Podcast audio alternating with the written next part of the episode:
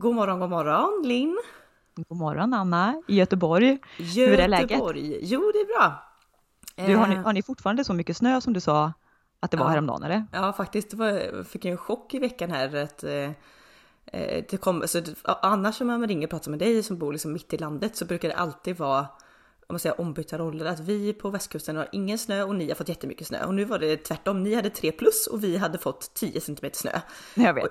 I vanlig ordning så blir det kaos då i trafik och allting. Men eh, nu spår det ju att det ska bli plusgrader nu framåt och på något sätt kan jag tycka att det känns lite skönt. Jag är lite nu, nu, är man klar. Nu ja. har man haft jättefina vinterdagar. Man har haft, du i alla fall har ju både åkt liksom skridskor på fruset hav och längdskidor.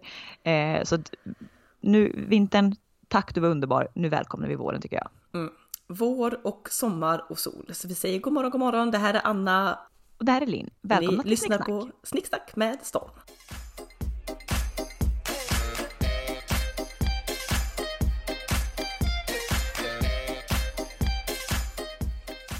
Eh, ja, herregud, vad var det? Var det fyra veckor sedan nu? Har vi haft ett fyra veckors uppehåll?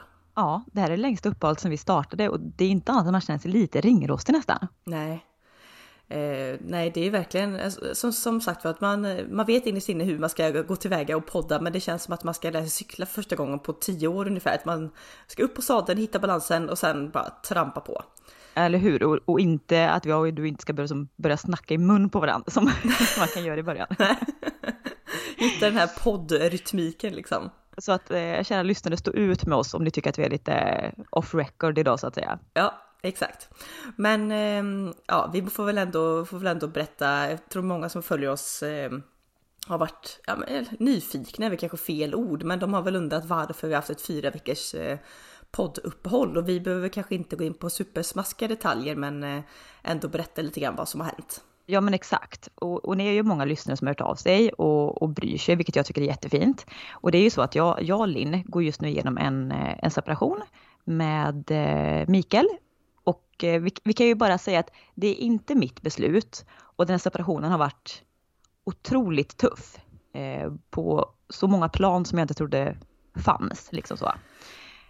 Nej, och jag tänker alltid så här, alltså när man går igenom en separation eller skilsmässa, nu är inte ni gifta men förlovade och ni har hus och ni har barn och sånt. Alltså det blir, alltså även om man liksom, och det här är så sjukt för att man kan ju verkligen gå från att leva i den perfekta världen och tänka liksom det här kommer aldrig hända oss och liksom om det skulle hända oss för att vi skulle gå isär någonting då kan man sköta det liksom rent och snyggt och alltihopa. Men det blir ju oerhört smutsigt, oerhört fort och att liksom att shit hits the fan så att säga kan gå så snabbt. Det, ja. det är man ju inte alltså, beredd på. Från att ha varit lyckligast i livet för bara två, tre månader sedan till ja, mer eller mindre total katastrof just nu. Och som du säger, en skilsmässa eller separation tar verkligen fram det värsta ur folk. Mm.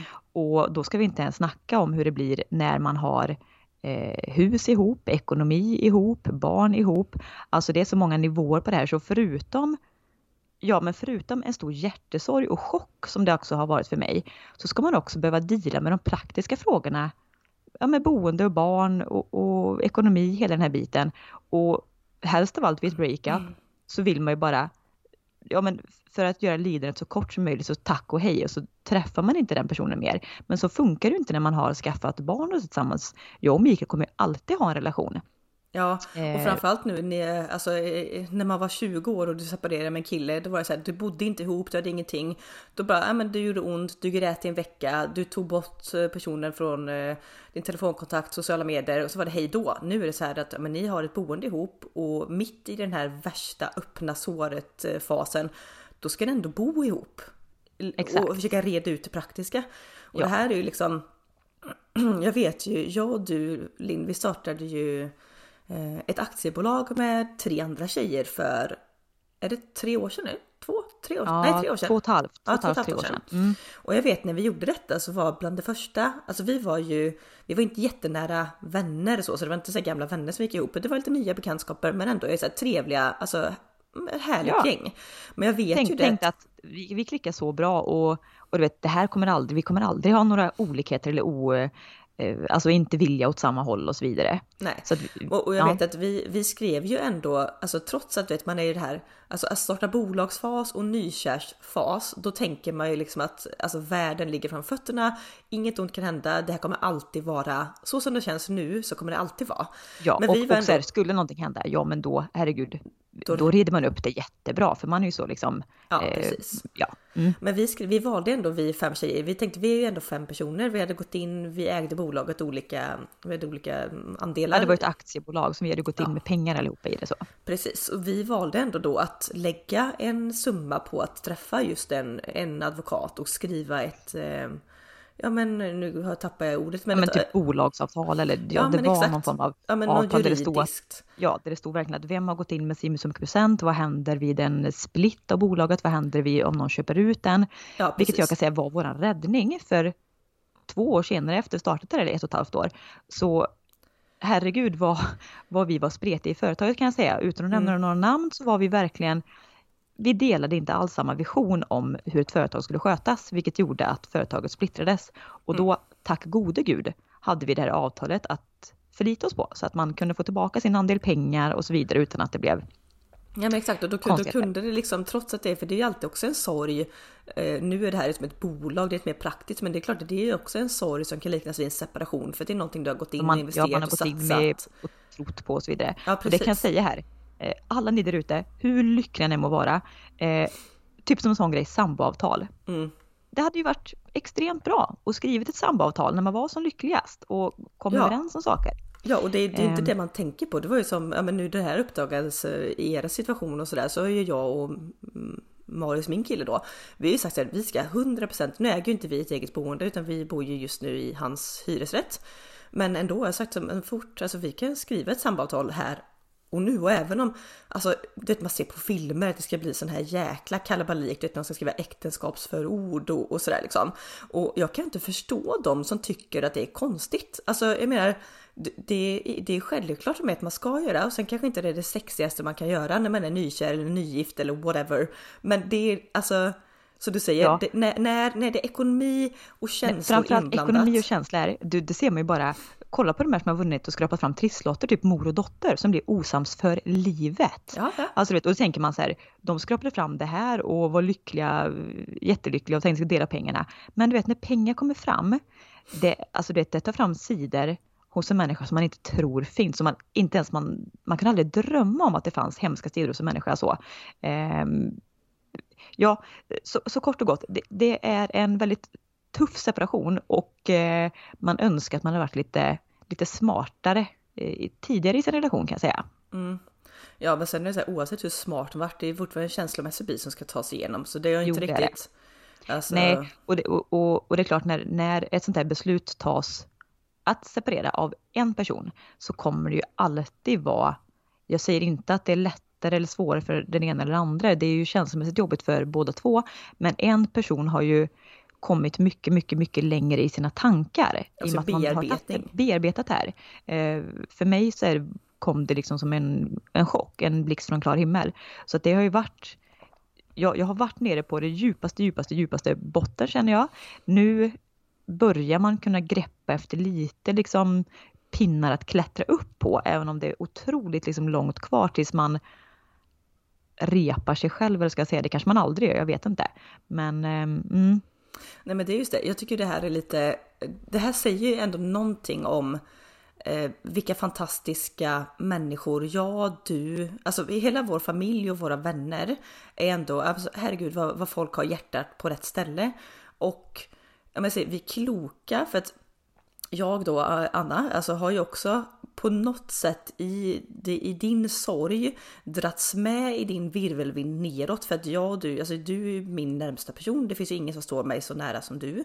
Eller hur, jag, jag är ju dina känslor och du är mina ja, känslor på ja, något men sätt. exakt. Så när du mår dåligt och går igenom, alltså då mår jag fruktansvärt. Så att jag har ju sen det här började då, ja men runt första advent så har jag också, du vet, ja men eh, enbart i två månaders tid hyperventilerat. Jag har fått spänningar i kroppen, jag typ mardrömmar ja. varenda natt. Och, alltså... vi, ja, vi, vi, vi, vi skrattade lite, det är fel att kanske skratta åt det, men vi skrattade lite. Jag var ju nere med Ines eh, hos dig och Marius för, är det två, tre veckor sedan nu i Göteborg. Mm. Där vi båda konstaterade att eh, både jag och du har extrem typ värk i kroppen. Eh, vi kan inte ta djupa andetag, vi har, det snurrar liksom i huvudet konstant. Vi, vi andas bara så här, vi drömmer, vi sover oroligt, vi drömmer mm. och det här är liksom ja, ja, man kanske kan förstå att jag gör det. Eh, men det är också så både, både komiskt och väldigt liksom romantiskt alltså på ett sätt att du också har precis samma kroppsliga ja, symptom exakt. av den här sorgen. Ja, och det har jag ju fått, alltså det är ju verkligen, det är verkligen en, så här, en insikt som har kommit till mig sista, ja men typ två, tre veckorna. Och det är just för jag har ju haft ont, väldigt ont i ryggen sista sex åren. Det började efter en trafikolycka, vilket är ett extremt trauma för kroppen att vara med om en trafikolycka. Sen när döden upplevelse och sen har jag ju ja, men, eh, varit med om tuffa eh, saker, liksom både i gamla relationer och nuvarande relationer. Eh, jobbmässigt har jag ju, alltså jag tror 100% att jag har gått in i väggen fast inte riktigt vetat om det. Så nu när det händer något, alltså minsta lilla kan ju min kropp verkligen reagera otroligt negativt. Och när det här då händer så reagerar det ju, alltså den sparkar ju bakut min kropp. Eh, men det jag känner nästan nu, ja, gud, ja, ja, om det. Exakt, men det, det jag skulle komma till för att göra en liksom knyta tillbaka säcken då eh, är ju ändå att eh, men, alltså både jag och du och även vår mamma som är, liksom har, hon, hon, alltså alla i vår närhet har, har ju drabbats av din sorg liksom. Men mamma är ju också den som står ja, men kanske oss närmast så sett. Eh, mm. Och hon har ju också, ja men du vet, ja, katastroftankar, hon är väldigt ledsen och orolig. Och det jag kan älska med oss är ju så här att ja men vi sticker inte huvudet i sanden utan förra veckan så var ju både jag, du och vår mamma hos varsin, eh, jag var ju hos min terapeut som jag träffat i, i flera år nu men jag har inte, haft, jag har inte träffat henne på ett års tid, jag har haft lite uppehåll. Eh, ja. Du träffade en terapeut första gången och mamma ja, träffade en terapeut första gången. Och jag kan ändå älska det med oss att vi bara, nej okej, jag inser, jag mår dåligt, nu tar vi tag i detta. Alltså så att det inte, för det är så många som sticker huvudet i sanden, som gräver ner sig. Och bara liksom kör på och tänker att ja, ja, ja tiden läker alla sår, vilket det absolut gör. Men tar du inte tag och liksom verkligen eh, förstå mig rätt nu, men grottar ner dig och benar ut den här sorgen och allt vad det är, den här krisen, då kommer ju alla de här känslorna sätta sig i kroppen på ett eller annat sätt. Ja. Det är som du säger, du har ju din rygg, vilket tyvärr jag också har fått nu då. Jag har så ont i ryggen, vilket gör att jag kan inte ta djupa andetag för det känns som att någon sätter knivar i hela min kropp. Mm. Eh, vilket är ju en, alltså, en reaktion på all ångest och psykisk stress som man går igenom. Och, och då tycker jag ändå att det, det, är väldigt bra att bearbeta alla de här känslorna, för hur långt ner på botten man är så måste man ju vara där nere för att kunna komma uppåt ja, och man och behöver också, hjälp. Ja precis, jag kan, för precis, man behöver faktiskt hjälp och det är inget, precis som att du är sjuk och går till läkaren och behöver hjälp. Och så är det här, alltså mår du psykiskt dåligt så nej, alltså det finns så många som tänker sig att ja, men det skaver lite i mitt liv, men jag ska reda ut detta själv och så går man och grubblar och grubblar och det vet vi alla att sömnlösa nätter med grubblande, det leder ingenstans. Nej. Enda sättet är att du pratar med någon. Sen om det är en liksom professionell alltså terapeut, psykolog, eh, coach, whatever, eller om det är familjemedlem eller vän eller kollega. Men bara att man pratar om det. Och det jag skulle säga nu, nu eh, hoppas jag mamma att det här är okej okay att man säger, men det var som att mamma träffade ju hennes terapeut då förra veckan och det var som hon sa så här att ja men tror du, för då hade de ju pratat givetvis om, om din situation Delin. Ja. Och då hade ju terapeuten sagt att ja men tror du att hon kommer klara, alltså tro, terapeuten sa så här, tror du att Linn kommer klara sig ut detta? Tror du att hon kommer någon gång stå på benen igen? Och det, den, och så här, för mig är det, alltså det här säger väl liksom en del av vilka personer jag och du är. För att om jag hade fått den frågan, alltså jag har inte ens tänkt tanken hur du har varit så extremt på botten eh, och jag har verkligen alltså lidit mig 220 procent och man tänker det här är, alltså det här är så orättvist och, och hemskt och fruktansvärt. Men den här Förstår du den här meningen att, att du aldrig skulle repa dig? Den finns Nej, men inte. den finns inte. Den finns inte. Och, och, och, det känner jag också, för jag är, det säger alla i min närhet nu också som jag pratar med, bara, men du är så stark Linn, du är så stark. Och det får man väl tacka sin, antar jag, liksom sin uppfostrande mamma och pappa och liksom all kärlek man har fått. Men jag känner ändå, hur långt ner man än är, så finns det ett, ett, en självkänsla och ett självförtroende att man kan bygga sig uppåt igen. Ja, precis. Jag kommer självklart, det är inte det att jag sitter här och kommer vara olycklig resten av mitt liv. Jag kommer, en dag kommer jag vara lyckligare än någonsin. Det var som jag skrev det att ljuset kommer ju en dag vara ljusare än det mörkaste är mörkt. Mm. Och, och, så är det. Sen, kanske, sen kommer det ta tid och det kommer ta eh, arbete, liksom, både rent psykiskt och, och jag kommer behöva liksom hjälp med praktiska saker. Men visst fasen kommer man komma ur det här. Ja, och den insikten är så skön för det, är som, det, det finns inte på världskartan att bara, nej, man hamnar botten nej, och sen, ja, vad tråkigt, du kom inte upp, utan det, och det, som du säger, det, det bygger nog i någon väldigt liksom ja, stabil grund hos en själv som har med uppfostran givetvis att göra. Ja, och jag, eh. jag vet ju alltid att alltså, lyckokänslorna, om, om vi ska bara prata kärlek då, hur många gånger man än har blivit bränd eller nobbad eller otroligt sårad eh, och i mitt fall väldigt, väldigt sviken liksom så hos människan man litar på. Så, för det sa min psykolog också, kommer du, kommer du våga lita liksom på någon människa igen? Och det är också självklart, för jag vet att kärleken och tillit och det fina är så, så, så mycket bättre och lättare för mig att nå till än det mörka. Mm. Så, att, så att jag har jag kan man säga, jo men man behöver lite verktyg absolut för att inte kanske älta allt som har varit samtidigt som man måste bearbeta det. Eh, men det finns så mycket fint som livet har erbjuda som är det är så mycket bättre än det mörka. Förstår du någonstans vad jag menar? Ja, jag vet. Man, för, för jag, både jag... jag jättegärna upp på hästen igen ja, framöver. För, både för att jag, jag vet att det fina finns där. Ja precis, och det här är väl lite liksom, om man nu verkligen ska hårdra det, bara, är det glaset halvfullt eller halvtomt? Och jag och du ser ju alltid livet som att glaset är halvfullt. Halvfullt till fullt liksom. Ja precis, ja, men precis, att man väljer att se det positiva. För både jag och du har ju eh, ja, men, människor i vår närhet som, om vi pratar rent relationsmässigt, som ja, men de har blivit brända en, två, tre gånger och då ger de upp. Då, då, liksom då, då låter de sina rädslor för att bli brända eller om det är karriärsmässigt rädsla för att misslyckas eller rädsla, då, då ja. är det det som definierar deras liv.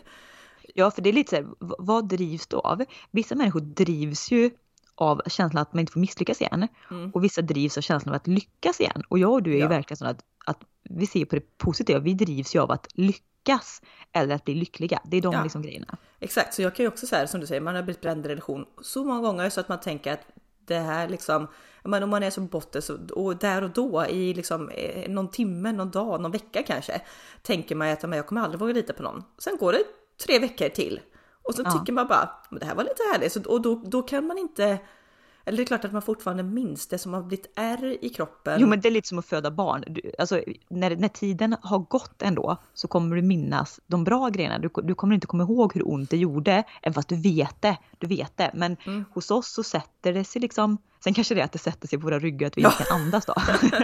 det kanske är det. Troligtvis. Det kanske är det. Men det, det sätter sig inte i hjärnan på mig och dig. Nej, Nej, inte på samma sätt. eller jag kan säga, om jag bara talar för mig själv, det, det jag varit med om har satt sig på hjärnan ett tag. Men det mm. definierar inte mitt liv för resten av livet. Nej, det är exakt det jag menar. Och det, det är ju inte konstigt att vissa saker som man är med om sätter sig på hjärnan. Att man blir en annan person. Åh oh, gud, vänta lite paus nu. Målar jag och du upp oss som de perfekta människorna? Och så ska jag bara, nu ska jag bara dra en parallell att jag stängde in dig i ett litet, i en liten skrubb när vi var små. Vilket gör att idag, 25 ja. år senare, har du extremt klaustrofobi. Så det här Extrem. att, nej, alltså trauma sätter sig inte för mig. Nej, absolut inte. Nej, mm, nej.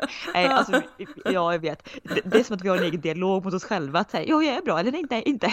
Gud, schizofren Anna och Linn. Hej välkomna till podden 2021, vi är lite schizofrena. det var så det gick. Ja, exakt. Det var det horoskopet ja. Ja, precis. Ja, gud det här jävla horoskopet. Ja, det är det jävla horoskopet alltså. Ja. Fan. Ja, nej, men inte. Eh, vi ska väl inte, vi ska väl inte kasta det under bordet än. Det, nej, det har ju bara gått åtta veckor på den nya. Ja. Mm.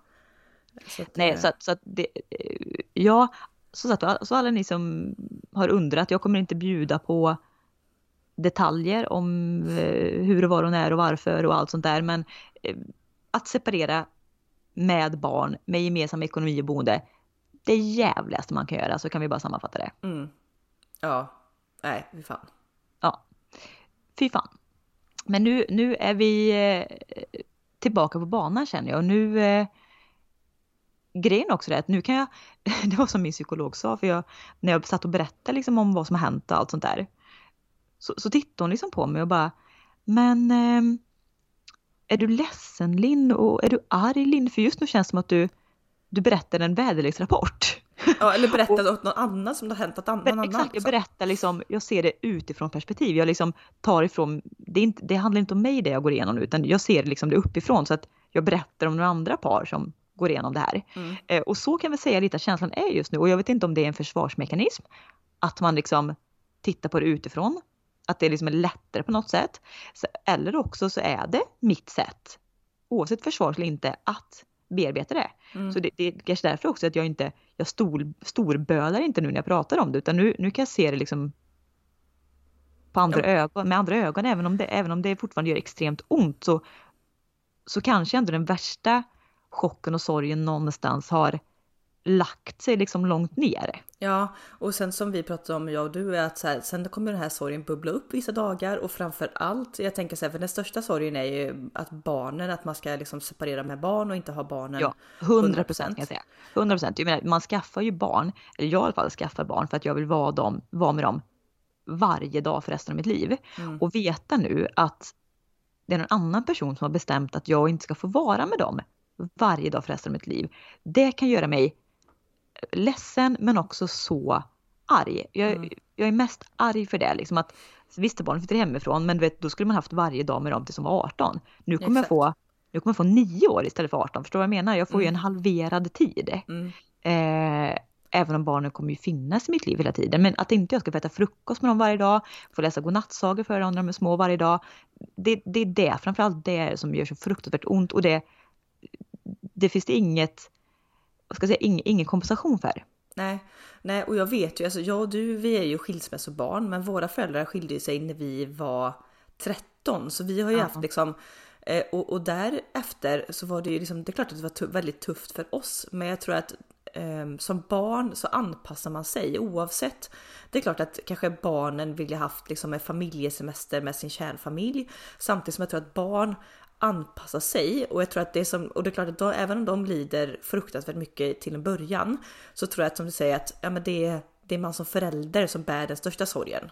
Barnen oh ja. kommer ju leva liksom. Ja, ja kommer, jag... kommer, kommer både Ines och Tage när de är stora inte har påverkats av det här hoppas jag ju innerligt för vetskapen också. Du vet, jag skulle ju få, jag får ju typ panik om man råkar orsaka ett blåmärke på Tage. Mm. Att veta att man kanske orsakar ett psykiskt trauma för någon, är, den smärta kan jag inte bära och så kan jag inte tänka för det finns ju faktiskt inte det finns ju, ja det, ja det, finns statistik och det finns statistik, men jag menar att det, det är klart det kan bli jätte, jättebra ändå. Eh, men det är ju som du säger, det är ju föräldrarnas, eller, eller jag och mitt samvete som kommer bära den största eh, sorgen och liksom mm. ångesten. Och sen gäller det bara att jag inte ska liksom, jag får ju absolut inte visa det, vad ska jag säga, inför Nej. barnen. Nej. Nej men exakt och jag tyckte det här var ganska bra. Jag lyssnar ju en del på um, Isabella söker Kila, den podden. Mm. Eh, och det vet jag, hon pratar ganska mycket om Isabella för hon är också eh, skilsmässobarn. Och hon berättar om Alltså, och det här kan jag ju känna igen från, från när vi var små och våra föräldrars skilsmässa. Att när man reste liksom varannan veckas liv eller vad man än har. Så när man ska åka ifrån den ena föräldern att den säger, och det säger du med med kärlek, att åh jag kommer sakna dig så, jag kommer sakna dig. Vilket gör ju att barnet får väldigt dåligt samvete för att den ska åka ifrån. Alltså, och det här är ju inte något som är menat från förälderns sida utan den uttrycker bara kärlek att jag kommer sakna dig. Men hos barnet så planterar det en känsla av att oj, jag gör fel som åker härifrån. Ja. Eh, Medan hon då Isabella försöker säga då typ att Åh, vi har haft jättekul den här veckan. Nu kommer ni få det superkul hos er pappa. Ha det så bra så ses vi på söndag. Att Precis, man liksom, att man liksom lä alltså lämnar med positiva känslor. För det är som du mm. säger att säga, oj, oj, nu kommer det bli så tomt när ni åker. Sådana saker är ju, det är som du säger, det är ju av kärlek, men det har en negativ klang.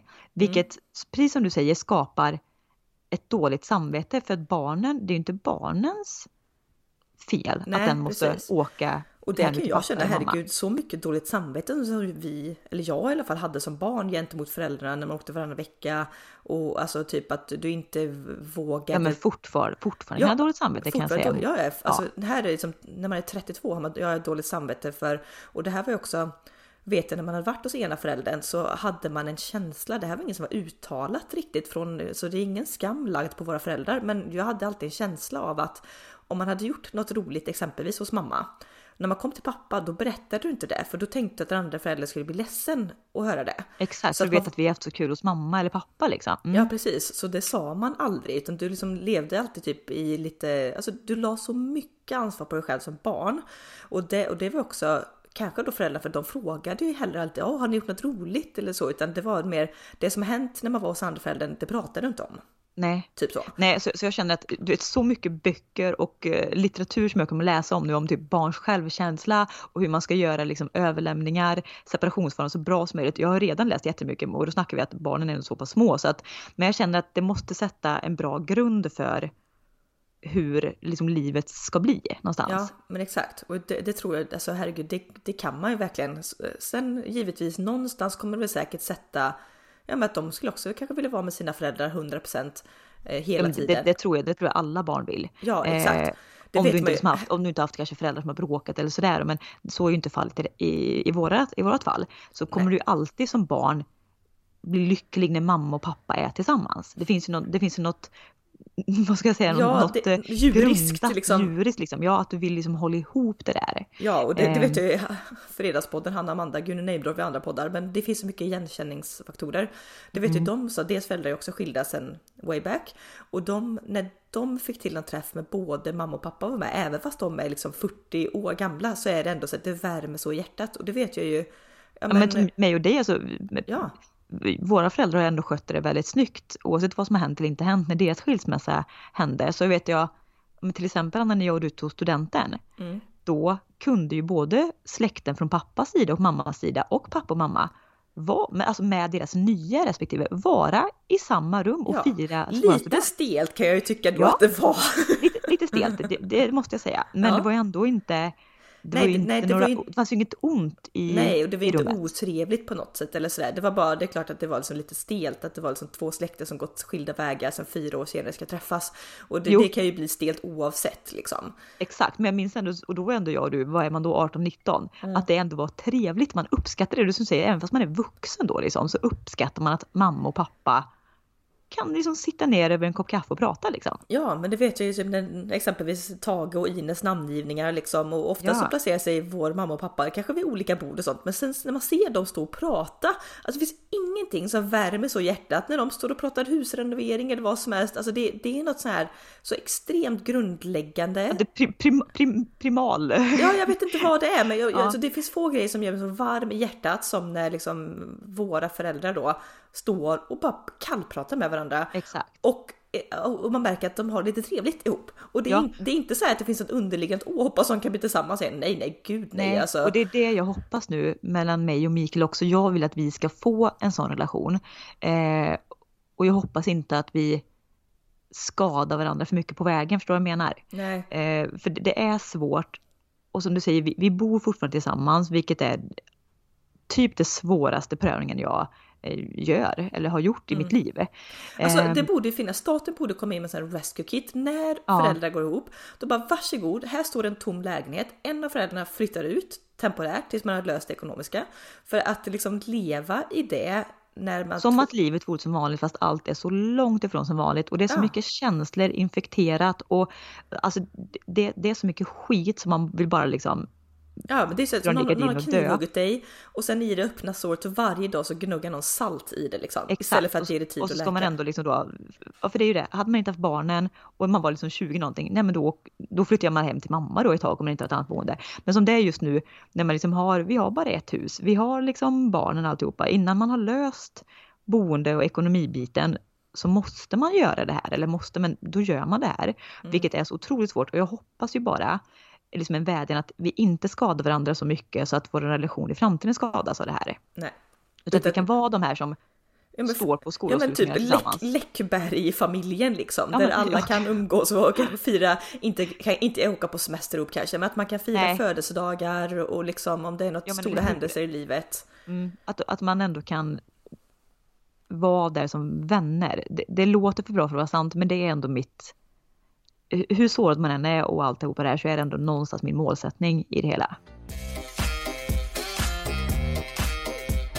Och det tror jag liksom nu som sagt nu är, är ju den här situationen eh, som sagt när det är barn och ekonomi inblandat så blir det väldigt snabbt väldigt smutsigt.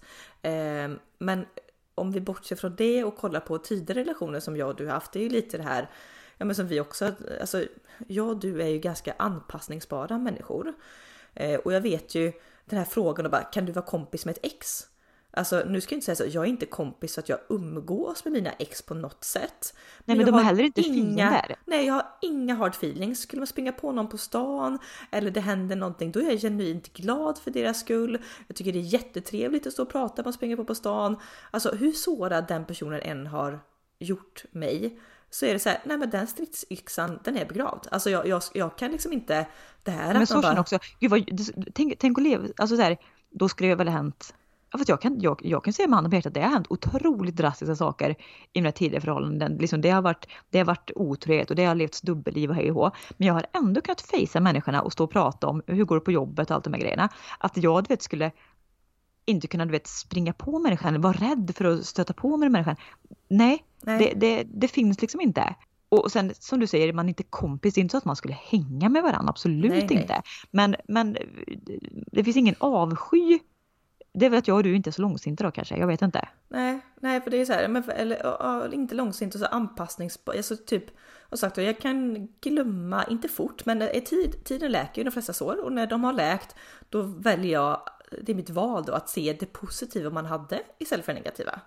Exakt, och, och skilja på person och handling. Ja, Försöka precis. så gott det går. Mm.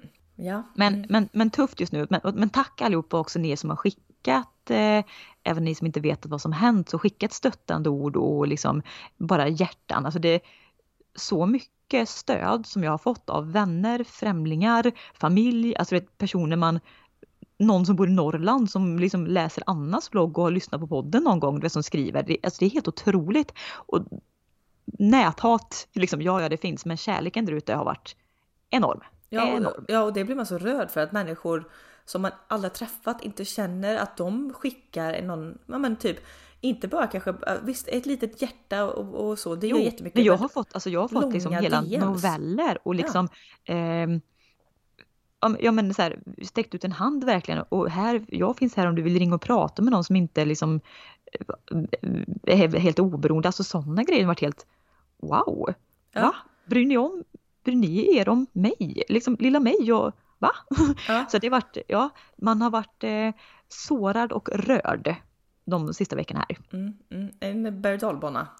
En berg. Som kallas mm. livet. Nu tycker jag ingen ska gå igenom det jag går igenom just nu, men livet är verkligen en berg och dalbana och eh, toppar och dalar är ju det som skapar ett innehållsrikt liv, så är det. Ja. Även om man inte man vill inte vara så här långt nere som jag är. Nej, precis. Den här lilla studsbollen vi har pratat om tidigare, den ska få träffa botten ibland och sen så kommer den ju upp och det är mycket Alltså ett sånt liv lever jag hellre än en boll som bara rullar på plan mark. Men de här, de här topparna behöver inte slå så hårt. Nej, det var, som, det var, som, det var som i början, i början av året här nu då, eh, eller december, januari, då, då, då, trodde jag liksom att nu var studsbollen, och helvete vad den har träffat marken. Sen gick det någon vecka till oj, då hade liksom den studsat ner på marken så hårt så att den var typ platt. Ja precis, Sen trängt igenom vecka, asfalten liksom. Trängt igenom asfalten ja, den är fan ner i magman och vänder. Mm. Så att eh, ja. Men, men sen, sen går det uppåt och det, det vetskapen om att det går uppåt är ju skön och sen kan det, det uppåt behöver inte vara en spikrak kurva uppåt, det kan fortfarande vara två steg fram, ett steg bak liksom. Men, jo, men ibland, ibland känner jag när man får en sån, sån här eh, nästan ångestattack, då du vet, sitter man där på kvällen och andas in håller andan, ut genom munnen, säger det blir bra. In, ja. lite som din terapeut sa att jag är lugn. Skulle du ja, exakt. Ja, ja, och jag min, säga det blir bra. Ja, min terapeut, gud jag bröt ihop så mycket. Va? Och hon bara såhär, är du, är du lite spänd? Och du vet fan vad som bara trycker på knappen, då bölar i fan en halvtimme liksom. Du vet, så här, för hon bara, du andas inte riktigt. När, när börjar jag bara, gud jag har inte andats på, ja, på tre månader nu liksom. Men det här och så undrar man varför man, varför, varför man har låsningar i ryggen. Ja, och, det här kan jag säga, det är alltså så här, nu, gud, i, vad har corona också gjort med en? Nu satt jag och min kille satt häromdagen och vet, vi har börjat vissa kvällar säga tre saker man är tacksam över. Ja. Man bara, uh, hallå, liksom. Ja. I det lilla finns det stora. ja, men exakt. Nej, men då kan jag säga, för att nu på jobbet så börjar det också bli en karusell av, av liksom ja, hets och stress och det är en arbetsbelastning som är helt jävla sinnessjuk. Gud, jag gillar inte min arbetssituation på jobbet nu om jag ska vara helt ärlig, för det är personer som har fått lämna på grund av corona och det är arbetsuppgifter som har lagts på en på hög. Men med det sagt och i detta då så har ju inte jag, när jag inte mått så bra, så har jag inte varit så superstresstålig så att jag har ju haft lite taggarna utåt, eh, lite panikkänslor på jobbet också eh, så. Eh, och då har jag faktiskt, nej men liksom som min terapeut sa, att ja, men när, istället för att göra de här avslappningsövningarna på kvällen när man ligger i sängen så ska man när det känns som jävligast gå undan och gör, liksom, gör dem. Så jag har liksom gått in på toa någon gång på jobbet nu och bara andats in andas ut, jag är lugn. liksom. Och jag ja. kan säga att det här, från att ha gått och suttit på, nu låter detta så banalt, men det, man känner sån stress över jobbet som bara det, här går inte, det här går inte. Man känner som att man drunknar fast sitter på torra land liksom. Och mm. då har gått undan och gjort de andningsövningarna och du vet verkligen kommit tillbaka och bara känt, ja, det här vet alltså Ja, man får ett perspektiv på det. Nej, på ja, också och liksom rätt eller fel nu, men när man är i det här jobbstresset tänker jag att allting kretsar kring jobb och om, om inte det här och allting hänger på mina axlar. Men när man gjort de här ansövningarna så tänker man själv att ja, nej, I don't give a fuck. Alltså man ska vara helt ärlig så bara. Alltså det är sån manjana grej och jag är så tacksam för att man. Tänk också vad andningen kan, alltså verkligen ja. det sitter så mycket andningen. Lika, lika väl som att Eh, en panikångestattack blir värre av att du hyperventilerar så kan du också då med hjälp av andningen komma till ett helt annat mindset. Inte bara det att du lugnar ner kroppen men utan också som du säger att du får så här Vadå, det är bara ett jobb. Att du kan gå från att jobb, jobb, jobb, jobb det är mitt allt, det är mitt allt, det här hänger på mig, till att jaha, vadå? Ja, vad är det värsta som kan hända? Det är bara en tidning, liksom, ja, att du exakt. tänker den tanken. Ja, ja. Men det, jag ska säga med jobb också, för jag, jag tror ju någonstans varför man också varit så nere på botten eh, just nu, är ju att jag tror att livet, vi ska bara kort nämna det, består av tre ben. Mm. Tre liksom trygga ben. Det ena är kärlek, det andra är boende och det tredje är jobb. Mm. Och att jag just nu då, när man är föräldraledig, du har ju inget jobb, så den är ju borta. Sen då kärleken, ja då försvann också den. Och sen också nu då boendet, att inte veta vart man kommer bo inom bara några dagar, veckor, är också borta. Mm. Så att ni kan ju förstå då att att alla de här tre benen som ska vara ens grundtryggpelare rycks bort samtidigt mer eller mindre gör ju att hela världen skakas om. Mm. Eh, och ja, vi kan prata mer om de här tre benen kanske en annan dag men eh, nu vet ni vad som har hänt allihopa och vi, eh, vi kommer vara tillbaka på podden nu som vanligt, stationstecken. Eh, och jag är glad ändå att ni inte har gett upp hoppet utan att ni finns kvar. Ja, supertacksamma för det och sagt nu tar vi en vecka i taget. Eh, vi har liksom planerat lite framåt för eh, ja, lite roliga ämnen och lite sådär. Vissa dagar kommer det bara vara att vi behöver bara prata om livet. Då får ni hänga med helt enkelt. Eh, så nu hoppas vi att vi kan köra kontinuerligt vecka för vecka, snicksnack med storm, en liten måndagskompis och hålla i handen. Eller hur? Och ni hittar oss ju som vanligt på eh, Acast och Spotify där poddar finns. Ja, det vet väl de om de lyssnar på detta. det hoppas jag. Det hoppas jag. Eh, följ oss gärna på Instagram också. Vi ska försöka bli bättre på att lägga ut lite innehåll också där. Snicksnack med storm heter vi på Instagram. Eh, superglada för alla som lyssnar. Eh, tack för att ni är med oss. Ja, ha, en vi... bra, ha en bra vecka nu. Mm, så fortsätter mm. vi repa oss här borta med våra ryggar och andningsproblem. Eller hur? Ja. Allt blir bra. Jag är lugn. Jag är lugn.